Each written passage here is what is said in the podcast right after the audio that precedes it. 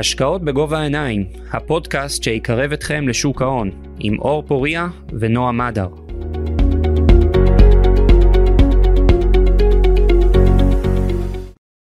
טוב, אז אנחנו בעוד פרק של אה, הפודקאסט שלנו, השקעות בגובה העיניים, אה, לצידי כרגיל נועה מדר. אהלן, מה. שלומך? בסדר גמור, מה שלומך? מעולה. אה, אנחנו מראיינים היום, מארחים אצלנו את רבית ניסני פרמון, ראש תחום גמל ופנסיה באלטשולר שחם. אה, רבית, תודה, ש... תודה שהגעת אלינו. תודה שהזמנתם אותי. אה, בשמחה. אה, טוב, אז אולי נתחיל ו...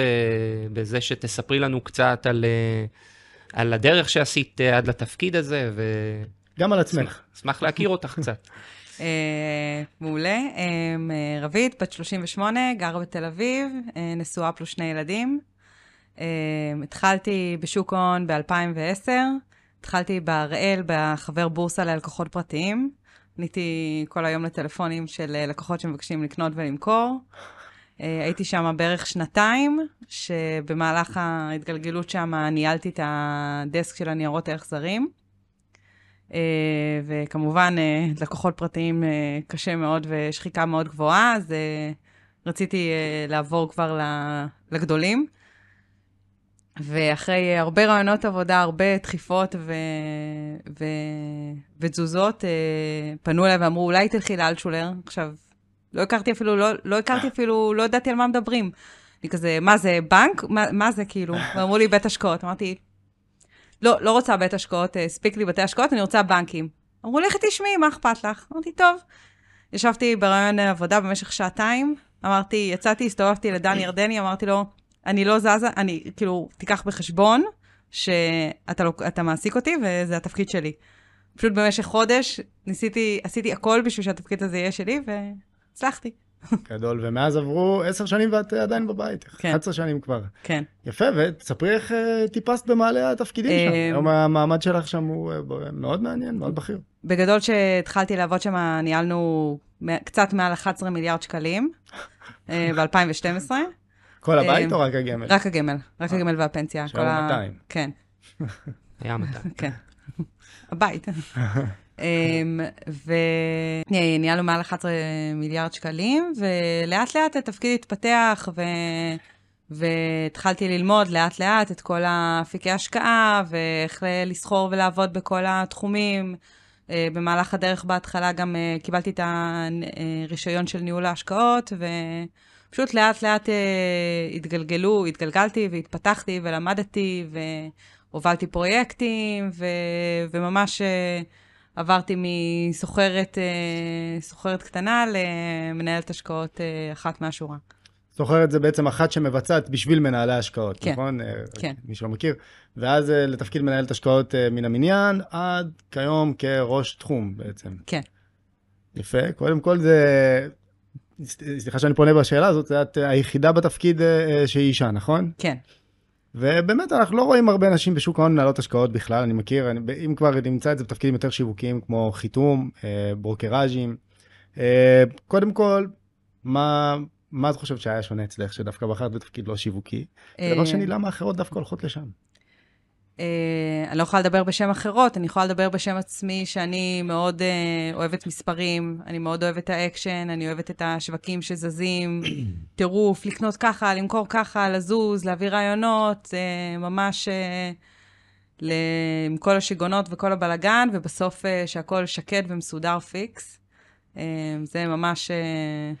קורונה פרחתי, על אף אה, הקשיים. אבל כמה, כמה אקשן יש בתחום הגמל? בסוף זה חיסכון ארוך טווח, אה, אתם יכולים לשבת שם על פוזיציות אה, לנצח גם.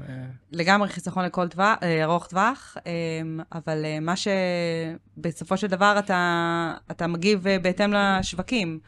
אתה, גם כשאתה נכנס לפוזיציה, יכול להיות שאחרי זמן קצר מאוד דברים משתנים בשוק, משהו משתנה בחברה, אם זה stock picking שבחרת ואתה צריך להגיב בהתאם. פתאום אה, יוצאת אה, רגולציה או יוצא משהו מבחינה משפטית, שראינו את זה אה, בכמה חודשים האחרונים, שמשפיע על, על שערי חליפין, ריביות, איפה שאתה רוצה לשבת על העקום, כל מיני נגזרים כאלו ואחרים. התגובה צריכה להיות די מיידית, אין זמן, הרבה פעמים אין זמן להתברבר. ברגע שאתה רוצה להיכנס לפוזיציה, אתה נכנס. עכשיו, אמרת שבקורונה פרחת, את רוצה להרחיב על זה? אה, בקורונה היה טירוף לגמרי, במשך אה, ארבעה חודשים ישבתי בבית מ-7 בבוקר עד 11 בלילה, ו... והיה טירוף. כן? מה, איך היה הסדר יום? אה, קודם כל, לראות כמה ביטחונות דורשים מאיתנו, להבין מאיפה מביאים את הדולרים, להתחנן לבנק ישראל שיביא לנו דולרים. מזכירה לי שמנהל השקעות מתחום הקרנות נאמנות אמר לי, היינו יושבים בבוקר, מנסים לתכנן uh, כמה פדיונות הולכים להיות במהלך היום, ובסוף היה פי שלוש. אז אני מניח... אז זה ממש ככה עם הביטחונות, וזה היה פחות פד... פדיונות או כניסת כספים, זה היה יותר, יותר להבין מה קורה, איך, איך מתנהלים את היום, איך היום מתנהל, מה, מה קורה, כמה דרישת ביטחונות תהיה, איפה, מאיפה אני מביאה את הדולרים, האם אני מגינה עליהם, אני לא מגינה עליהם. אמ, פוזיציות שנכנסים, זה... הרבה דברים שנשמעים כן. יותר טכניים אה, למאזינים. כן, נכון. אה, האמת שמעניין אותי לשאול, תראי, אלטשולר שחם אה, ציינת, הגעת וניהלתם 11-12 מיליארד שקל, ועברו הרבה מים בנחל, למרות קצת פדיונות באמת בתקופה האחרונה, עדיין אלטשולר שחם הוא הגוף הכי גדול בשוק ובפער די גדול, ומעניין אותי אולי לשאול, בתור אחת שחוותה את השינוי ואת הצמיחה, מה ההבדל בהתנהלות בין ניהול השקעות בסכומים לא גדולים לבין ניהול השקעות בסכומים מאוד מאוד גדולים, שאתה יכול להיות גוף שממש מזיז את השוק. אז בגדול ההתנהלות אה, היא די זהה. אנחנו באים ומסתכלים על, אה, על סקטורים או stock picking או כל דבר אחר שאנחנו מעוניינים להיכנס אליו. מן הסתם, שאתה גוף יותר גדול, אז אה, יש דברים שאתה לא יכול להיכנס אליהם, או אתה יכול אה, לקחת אה, אחוז יחסית נמוך ממה שאתה רוצה להיכנס לפוזיציה מסוימת. אבל תמיד ההסתכלות, גם שאתה קטן וגם שאתה גדול, זה להסתכל על האחוזי, על הווליומים שעוברים בשוק, על, ה, על, ה, על השווי של החברה, או האג"ח, או... או כל דבר אחר בעצם שאתה נכנס אליו ואתה מבין אם אתה יכול להיכנס או לא יכול להיכנס.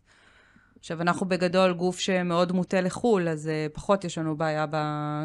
בכניסה והיציאה הזאת, אבל uh, מן הסתם זה יותר משפיע על המסחר מאשר על הניהול השקעות uh, בפועל. באמת, תספרי קצת אולי על הנושא הזה של הנטייה לחו"ל, כי עד כמה שאני מכיר, אלטשולר באמת היו סוג של חלוצים בפנייה לחו"ל, בטח ב...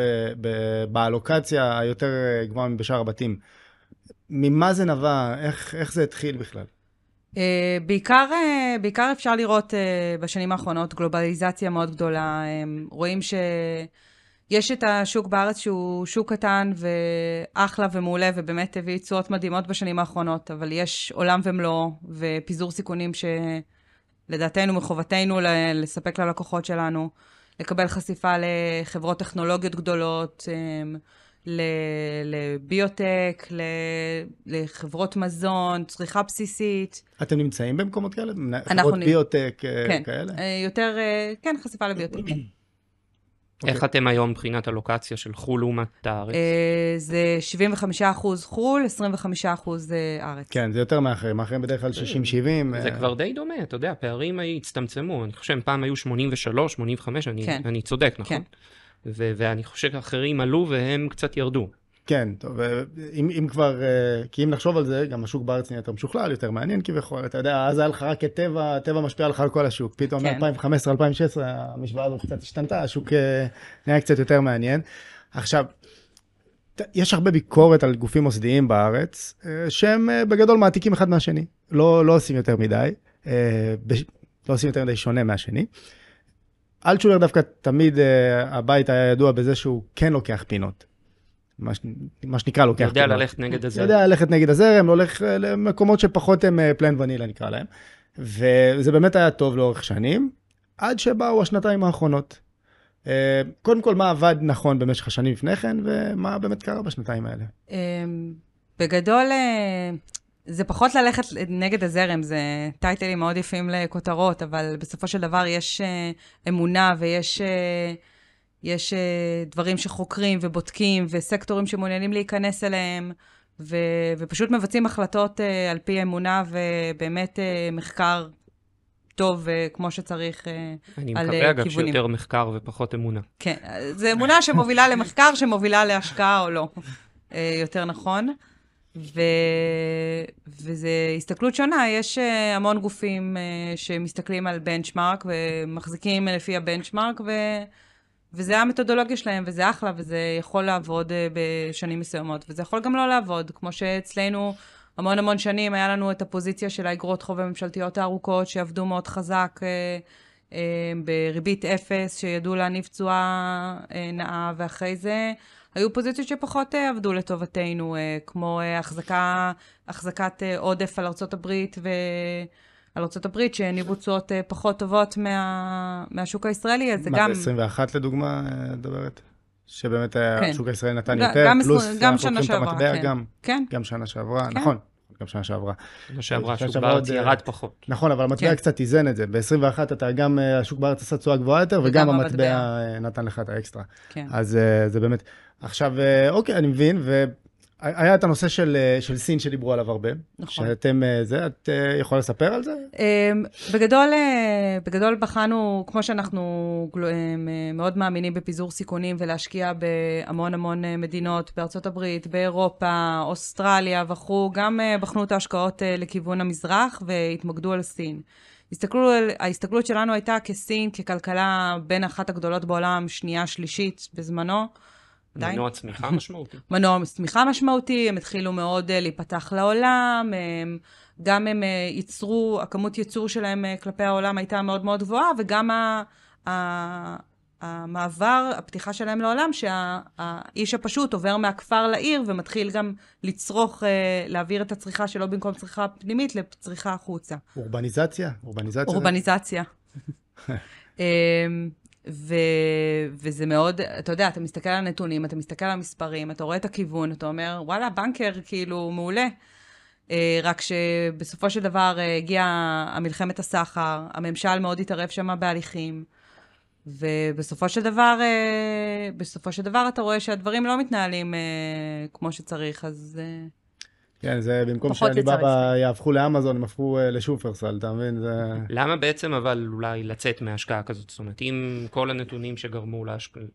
לה- להחלטה כן להשקיע, רובם נשארו, אז ברגע שאתה רואה שהממשל מתערב ובעצם לא נותן אה, לכוחות השוק לעבוד, ובעצם מה שאנחנו חשבנו שיקרה לשו... לשוק הסיני, אז אתה מבין שאולי אה, שזה נכון יותר אה, לצאת מהפוזיציה ולהעביר את הנכסים לאולי נכסי סיכון, סיכון שהם פחות מסוכנים ויותר אה, יותר יעבדו לטובתנו, כמו ארה"ב, כמו אירופה וכו'.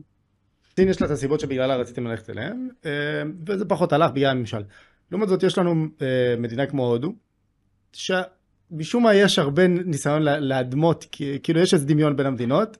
מי שיותר מכיר, תמיד אומר לי שהודו ממש זה לא סין. אוקיי, אומרים לי שאין מה להשוות, ההודים זה עובדים פחות טובים מהסינים, המדינה פחות יכולה להתפתח. אבל מצד שני אנחנו מקבלים מקום שהוא באמת אה, אה, המדינה אולי הראשונה בגודלה בעולם, או השנייה, אחד מהם. אה, תהליך אורבניזציה כנראה מטורף. אה, והאם זה משהו שבית כמו אלטשולר היום מסתכל עליו כאוקיי, טעינו אמנם בסין, אבל דווקא הודו היא דמוקרטיה. אה, תמיד אנחנו מסתכלים, תמיד יש הסתכלות על אה, המון מדינות והמון שווקים, אה, ולפעמים בוחרים או לא בוחרים להיכנס או לא להיכנס, ולפעמים גם נכנסים ב... לפעמים אתה, אתה יודע, אם אתה מסתכל על הודו, לדוגמה, אתה מסתכל על הניפטי 50, אתה אומר, אוקיי, זה המדד המרכזי, אני אכנס אליו, אבל מצד אחר, אתה צריך גם לבחון מה, מה קורה בתוך המדד, מה מחזיקים שם. נכון שהודו בשנים האחרונות הביאה צמיחה מדהימה, והיא באמת אורבניזציה מטורפת, אבל כרגע הוחלט שלא נכנסים, אה, נכון לעכשיו אה, לא נכנסים. שוב, זה יכול להשתנות בכל רגע נתון, אבל נכון לעכשיו לא. נושא שאולי מעניין אותי בהקשר של אלטשולר זה העניין של נכסים לא שכירים או השקעות אלטרנטיביות, זאת אומרת, אתם מאמינים בתחום, מחזיקים הרבה יחסית, לא מאמינים, או איך אתם ביחס לנקודה הזאת? אה, יש לנו נכסים לא שכירים, גם חוב וגם קרנות השקעה, אה, מניות לא שכירות. אה, יש לנו מחלקה שלמה שהיא דדיקייטד לנושא הזה. אה, וכן, כמה אחוז למשל אתם מחזיקים זה משתנה מסוג קופה לסוג קופה, ב... במסלולים כלליים? זה ממש משתנה מקופה לקופה. אה, עשרה, לא יודעת, אני לא- אני לא אגיד סתם מספרים. אבל יש חשיפה כן. מהותית לתחום יש, הלא יש סחיר. חשיפה לתחום הלא שכיר, יש עבודה מטורפת שנעשית בתחום הזה של דו דיליג'נס ובדיקה והסתכלות על אה, קרנות. איך בעצם ה-due diligence בתחום הזה משתנה מ- מעולם של ריבית אפס, כי- כי זה אחד האתגרים שגם אנחנו חווים כחברה. הלוואי וידעתי, זה, זה התחום שאני... כן, אותו. כן. עכשיו, אגב, את חודשיים בתפקיד, ובואי נגיד, לא, לא הכניסו אותך לתפקיד ישר קל, בטח לא בזמן קל. אה, את עשר שנים מנהלת השקעות, אולי קצת יותר, שני- 12 שנים, לא חווית ריבית אה, חמישה אחוזים, זה פעם ראשונה. נכון. איך, אה, איך את ניגשת לזה בכלל? קודם כל, זה ממש מעניין. זה, זה, זה באמת, אה, בעיניי, אה, אני כבר 12 שנה בשוק, זו אחת התקופות היותר מעניינות אה, שיש. בגדול, ההסתכלות על השקעות, בסופו של דבר, היא צריכה להיות אלטרנטיבה. תמיד כשאתה בוחן השקעה מסוימת, אתה בוחן מה האלטרנטיבה מנגד. אז, אז בגדול, אתה, יש לך אגרות חוב, נגיד נסתכל על המקם לשנה, שהוא יחסית חסר סיכון, נותן לך תשואה של אה, 4.60 פחות או יותר. זה משהו מדהים, אתה, אתה יכול אה, להשקיע ולתת, אה, גם אם אתה לא בטוח כרגע ואתה רוצה להוריד את, הסיק, את הסיכון בקופות, אתה, אתה אה, מהאי-ודאות שתצוץ השנה, אה, בעיקר מחששות ממיתון, מחששות מבנקים אה, אזוריים בארצות הברית שנופלים, שזה פוחדים שזה יזלוג גם אה, הלאה לאזורים אחרים. אז יש, יש אלטרנטיבה אמיתית לכסף. יש אה, מקום שאתה יכול אה, לשים את הכסף בבטחה ו, וכן להניב תשואה לעמיתים, שזה בעיניי אה, מדהים. ואז כשאת באה לבחון דווקא מניה מסוימת, ותמיד יש לך בראש את העובדה שאת יכולה, בלי, בוא נגיד בסיכון אפס, משתנה חסר סיכון, לקבל את החמישה אחוזים.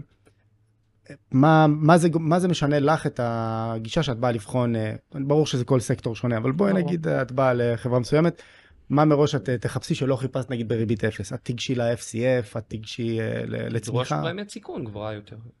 פרמ- בהחלט, אה, זה בעיקרון, אה, יש לנו צוות אנליסטים מדהים שעושה עבודת מחקר על כל ה stock picking ועל המניות, ביחד עם אה, החברות עצמן וברוקרים אה, בארץ ובחו"ל, תלוי כמובן באיזה שוק. אבל ההסתכלות אה, כמובן בגמל ופנסיה, בחיסכון טווח ארוך, זה השקעה לטווח ארוך. אתה לא משקיע בשביל התשואה בחודש, חצי שנה או שנה. לרוב אתה נכנס לפוזיציה, אתה נכנס לתקופה ארוכה, כי חיסכון לטווח ארוך. כן, אבל עכשיו נגיד באמת, אה, אוקיי, חיסכון לטווח ארוך זה משהו אחד, אבל הנה סתם לדוגמה, היה לך אה, אנומליה כזאת השנה, אה, לפחות בארץ. יש כל הנושא של הרפורמה. איך, איך התמודדתם עם זה? זה הרבה דברים במכה דווקא שבאו לך אה, על התפקיד. כן, צריך אה, להתייחס אה, לאיפה המח"מ שאתה רוצה, הלוקציה בין צמוד ללא צמוד, ואיך להיחשף, האם אתה נחשף, נחשף דרך נכס ישיר, דרך נגזרים, איזה חשיפת מטח אתה רוצה שתהיה. יש, כאילו, מדברים נורא על אה, כל הנושא הזה, זה לא רק השוק המניות או האג"ח, יש תורה שלמה שמרכיבה את ה... את אה, מה שאומר חשיפה ישראלית. בסופו של דבר אנחנו מושקעים במטבע שקל, וזה הפועל היוצא מכך, אבל אה, אבל צריך להבין שיש המון המון סיכונים שצריך לנהל בדרך. לא הייתה חשיבה אז- נגיד לצאת אה, לגמרי לחו"ל, אה, עד יעבור זעם, או משהו בסגנון הזה? בסופו של דבר זה מדינת ישראל, אה, המטבע הבסיס שלנו הוא שקל. החשיפה היוצאת בפועל שלנו היא שקל. אין, אין משהו ש...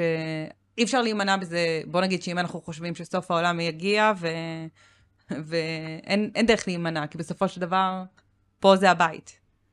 אז צריך לדעת לנהל את זה במח"מ נכון, בתשואות נכונות, בחציצות. אבל היה משהו ספציפי שעשיתם שאת יכולה לספר עליו? אמ, ששונה מבדרך כלל, שבאמת הייתם קמים בבוקר ופתאום הכל משתנה.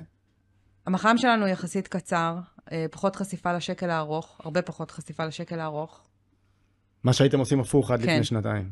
אה, הגדלנו מעט חשיפות מטח, כן לקחנו יותר אה, סיכון על הדולר שקל ומטבעות אחרים. אה,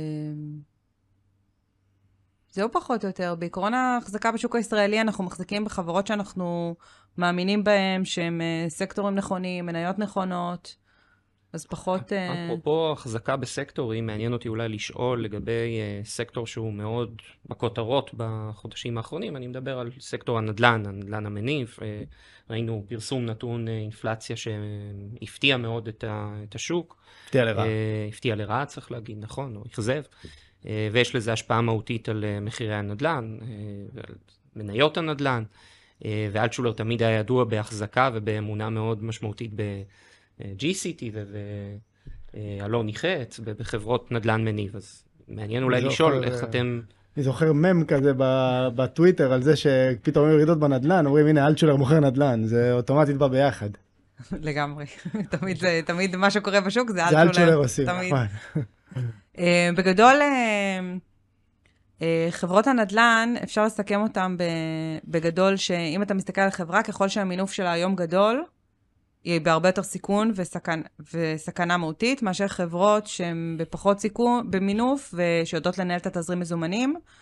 ובעצם פה היום ה... המזומן הוא המלך. זה מי שיש לו נזילות וידע להמתין ולחכות, כנראה יניב פירות מזה. ונגיד, אה, אם אנחנו כבר באמת על הנושא של סקטורים, יש את הנושא ש- של הסקטור של אשראי חוץ-בנקאי. אה, סקטור ש... אני חושב שגם שם הם... זהו, שדי די חטף בשנה האחרונה. כל המניות, דוגמת כן. אה, שואה, נאווי. נאווי למיניהם. כן. איך אתם ראיתם את זה מבחינתכם? או שזה סקטור שבכלל אתם לא מוכנים האמת, לבחון אה, אותו? פחות, אה, גם אם יש לנו החזקה היא מאוד מינורית, אבל פחות... באופן כללי, כל התחום של, בעיניי, כל התחום של האשראי הוא כרגע בעייתי. בעיקר אה, רואים את זה בבנקים אזוריים בארצות הברית, ש, שצריך להבין שיש פה סיכון ריבית ממשי, על אף שיש את הסיכון האינפלציה שצריך להתייחס אליו, גם הסיכון הריבית הגבוהה. כלומר, סקטור שהוא היום, תראה, היום אה, דווקא חברות יותר חזקות שם, אנחנו יכולים לראות אותם גם במכפיל אה, חמש, כן? ועדיין מבחינתכם זה כרגע, משאירים את זה בצד, היחס סיכוי-סיכון מבחינתכם הוא לא רלוונטי. כרגע, כרגע פחות שם. הבנתי. ולגבי, אם אנחנו כבר דיברנו על, על האשראי, נדבר באמת אה, על אה, נדל"ן למגורים. אנחנו רואים כבר אה, ניצני ירידה, חמישה אחוזים, יש שיאמרו עשרה אחוזים. אה, את מהצד שחושב שאנחנו לקראת התרסקות, או לקראת, אה, או שהגענו לאיזשהו קו? לא יודעת איך לענות על זה. באמת? אין לך איזושהי לי יש דעה, אני לא יודעת מה... שואלים את הדעה שלה. בגדול, בנדל"ן למגורים, ברגע שאתה רואה את עלות המימון עסקה, שזה עלות המשכנתה בעצם והריביות שהן כאלה גבוהות, מן הסתם זה צריך לבוא בידי, לידי ביטוי במחירי הנדל"ן בפועל. מדברת לאדם הפרטי. לאדם הפרטי לחלוטין. אז כן צריך להיות פה איזה איזון מסוים, כי זה לא הגיוני שהריבית למשכנתה תעלה באי ואלו כמה אחוזים, והמחירי הנדל"ן לא יזוזו פה. רואים גם שהשוק קפוא כרגע. אין עסקאות שעוברות, או בכלל בקושי. זה משהו שגורם לכם אה, להירתע? כלומר, אה, בסוף השוק בארץ, לדעתי אולי איזה רבע ממנו זה נדל"ן. אה, יש לנו הרבה חברות שדווקא תזרימית הן נורא נפגעות, ובסוף כשיש חוב, מה שחשוב זה התזרים, לא מעניין אותנו שאר הדברים. אה, וזה שם אתכם במקום שאתם דרוכים יותר, אה, אחרי שאתם כל כך מפורסמים ב... יש חשיפה לשוק הנדל"ן, אבל זו חשיפה שהיא יותר אה, מנותבת אה, בהתאם לאמונה, זה לא בהכרח נדל"ן מגורים מניב, זה שוב, זה עניין של חברות עם מינוף, פחות מינוף, זה יותר, אה, זו ההסתכלות אה, היותר אה, עכשווית כרגע על, שוק, על בכלל שוק הנדל"ן, בין אם זה מניב, בין אם זה מגורים, בין... כלומר, אם, אם אני רק ארד לרזולוציה כזה של חברות עצמם כדי להבין למה את מתכוונת. נגיד, סתם דוגמא, אם ניקח את G-City שהיא בהגדרה מניב, אבל בכמה, בכמה מדינות, בכמה מטבעות, אבל מאוד ממונפת, לא מעניין. פשוט היא יותר מדי ממונפת בכלל ש... בשביל שזה יעניין. לעומת זאת, אם נלך על חברה אחרת, אמות, אפילו שהיא ממוקמת רק בארץ, אה, מינוף באמת סביר, זאת אומרת, זה הרבה יותר מעניין אותנו כרגע, אפילו למרות הריכוזיות. אה, כן, פחות, אה, הריכוזיות זה פחות הפקטור, זה יותר העניין של המינוף ואיך שהחברה מתנהלת ויודעת לנהל את עצמה במשבר, לקראת משבר ריבית כזה או אחר. לקראת משבר ריבית זה כבר... אה, עכשיו ראינו באמת את דוח האינפלציה אתמול, אה, שבאמת היה גבוה, הפתיע לרעה, אה, חמישה אחוזים, למרות שהצפי היה ירדת ל-4.7, 4.6, 4.7, אה, אותך זה הפתיע? בטח שהפתיע, אני לא. מכירה מישהו שלא הפתיע אותו. אוקיי, ונו, אז באת היום לעבודה, ואיך אה, ראינו את הצמודים הקצרים עולים, את השקלים מתרסקים, כל המודלים משתנים, כן. כל המודל... אה, הכל אה, זז, אה, צבעים אדום חזק, ירוק חזק. אה, בסופו של דבר זה, אה, לפי מה שרוב הכלכלנים מדברים בשוק, זה עניין של גם, חלק מסתכלים על זה בתור אה, אה, נתון חד פעמי, שבאמת ראו את הסעיף של התיירות, שהוא ממש קפץ למעלה והקפיץ את המדד ב-0.4, שזה פחות או יותר הפער החודשי שהיה מהצפי של מזמין האנליסטים. יותר מדי חופשות, נועה. אני באמת, אני לא, באמת, זה לא העניין. חזרתי מלונדון. מסתבר שאני הגורם לאינפלציה, אתם מבינים? לא סתם, באנגליה יש אינפלציה, זה לגמרי הגורם. 10 אחוזים היה שם, 11 אחוז, משהו כזה. מטורף. אבל את יודעת מה, הנה, זו דוגמה טובה. ראינו מדינה ששנה שעברה הגיעה לאינפלציה של 11 אחוזים, ומה קורה? היא נמצאת בשיא כל הזמנים שלה, המדד נמצא בשיא כל הזמנים. אה, אז האם בארץ זה כאלה חדשות גרועות, זה שיש אינפלציה 5 אחוזים?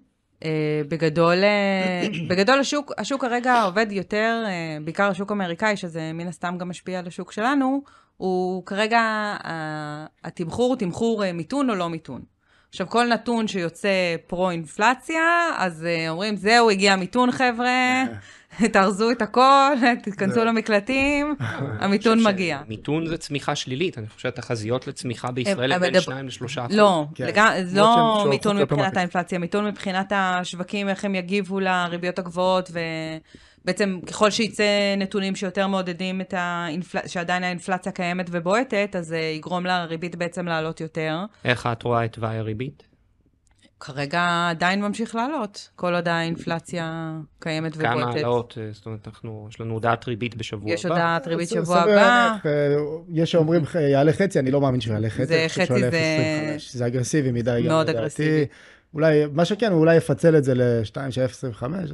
אני פשוט באמת חושב שברגע שאתה פותח את הדוח עצמו ואתה רואה שזה בעיקר מתיירות, זה גם המקום הראשון, בארץ זה לא ככה, אבל זה המקום הראשון שאמור להיפגע כשיש עליית ריבית, שכאילו אתה, אתה אומר, טוב, אנחנו נכנסים למצב אה, של מיתון, דווקא אני אנסה כן, טיפה, תראה, במקום זה אני הבן אדם אומר, אני לא אקנה קוטג', כי זה נראה לו יותר הגיוני. אני חושב עכשיו אולי נקודה מעניינת, הרי מה הבעיה באינפלציה? הבעיה היא להסתכל על העשירונים היותר תחתונים, להגיד, אוקיי, השכר לא עולה כמו שצריך, והמחירים עולים, ובעצם הם יכולים מאוד להיפגע. אבל אולי אינפלציה שמגיעה מתיירות, שזה מוצר שהוא לא מוצר צריכה בסיסי, הוא כן. מותרות. אולי זה לא צריך להטריד את ה...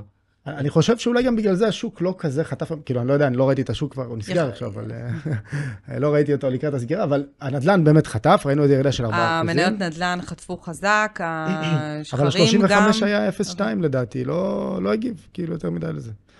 ויש שם אה, לא מעט נדל"ן. אני חושב שהסיבה זה שאנחנו בסוג של השלמת פערים אולי מול העולם, אז זה סוג של מקזז אחד את השני. זה אני מסכים, זה נכון. אגב, דיברנו על אנגליה, בסוף המדד שלהם די דומה למדד שלנו, סחורות הרבה ובנקים, אה, כן. ואין טכנולוגיה. זה- אז אה, אולי, אולי גם אנחנו נגיע לשיא כל הזמנים שלנו. אתה יודע, אנחנו לא כזה רחוקים, לדעתי לא. עשרה אחוזים מהשיא, משהו בסגנון. משהו כזה, כן. מה, 35? אה, 35, למרות שהוא 90 מייצג... הוא אה, מאוד רחוק. כן, 90 רחוק, 90 חטף אה, שנה שעברה, 30, וח- כמה היה השיא? 2,100 ב-35? לא או זוכר. 1,800? אז זה לא זוכר. 15 אחוז, משהו כזה. גם לא זוכר. עכשיו באמת נגיד, ב- ראינו, אם כבר באמת אנחנו מדברים על המדדים הישראלים, אה, נוציא רגע את הרפורמה, אה, ראינו את ה-90 שעד בדיוק שנה אחורה, היה המדד הכי נהדר בעולם, הכל יורד, אבל ה-90 חזק, בנקר. חזק, כן, לא זז. ולעומת זאת, פתאום בום, ירד איזה 25 אחוזים בתקופה של אה, שנה. הוא תיקן קצת בחודשים האחרונים, כי גם כשהוא מתקן, הוא מתקן יחסית אגרסיבי, אבל אה, מה, מה, מה השתנה? מה קרה פה? למדד הזה ספציפית, כי אני מניח שאתם גם מאוד אה, פעילים בו. פח- זה פחות, שוב, זה, אנחנו פחות מסתכלים על המדדים ועצמם, זה יותר על סקטורים ומניות ספציפיות, ו... נזילות, אני חושב. זה גם, התשובה זה ש. יכול להיות שזה גם נזילות, אבל ב, כמו, ש, כמו שאמרנו, 2021 ו-2022, כל השווקים בעולם התרסקו, רק אה, ישראל בנקר אה, לא כן. זז, אז זה גם משהו שבסופו של דבר צריך להשלים פערים אל מול העולם. אין, אה, לא הייתה סיבה ממשית, אה, כן. כביכול שהשוק פה לא זז לעומת השווקים בחו"ל. למרות שהם, אה, נכון, יש את הנושא של נזילות, אבל אה, בית בגודל הזה, הוא פחות פועל בבוק עצמו. אתם בטח יותר כבר מול הברוקראז'ים עצמם, זה לא... אה, גם מול הברוקראז'ים וגם לפעמים זה מתחלק, תלוי בגודל העסקה, בנזילות שיש. נגיד, בהיקפים שלכם, מדד S&P 60 זה משהו שאתם מסתכלים עליו בכלל? או מבחינתכם הוא, הוא כל כך קטן שזה לא, לא רלוונטי לגוף זה, שלהם? מד- שוב, מדדי, זה לא הסתכלות על מדדים, זה יותר כן. הסתכלות על אה, באמת אה, סקטורים ו stock picking. לא ניקח חשיפה לתל אביב 35 או תל אביב 125, זה פחות... אה, עכשיו, יש איזשהו. רף תחתון שתגידו מניה שהמחזור בה הוא מתחת למיליון שקל ביום, אפילו לא בוחנים? זה הכל עניין של איך נכנסים לעסקה, כי לפעמים, אתה יודע, יש אה, איזו עסקה מסוימת שקורית מאחורי הקלעים בין בעלי מניות, ש... שהיא יש מוכרים, אנחנו מעוניינים לקנות, סוגרים את העסקה, וזהו, זה יושב אה, בתיק, ביי, שלום. אתם כאילו אומרים, רגע, מחר נרצה למכור ויש לנו בעיה למכור את זה. כן, אבל ההסתכלות תמיד אה, היא למני... אנחנו נכנסים למניות שאנחנו רוצים להיות בהן.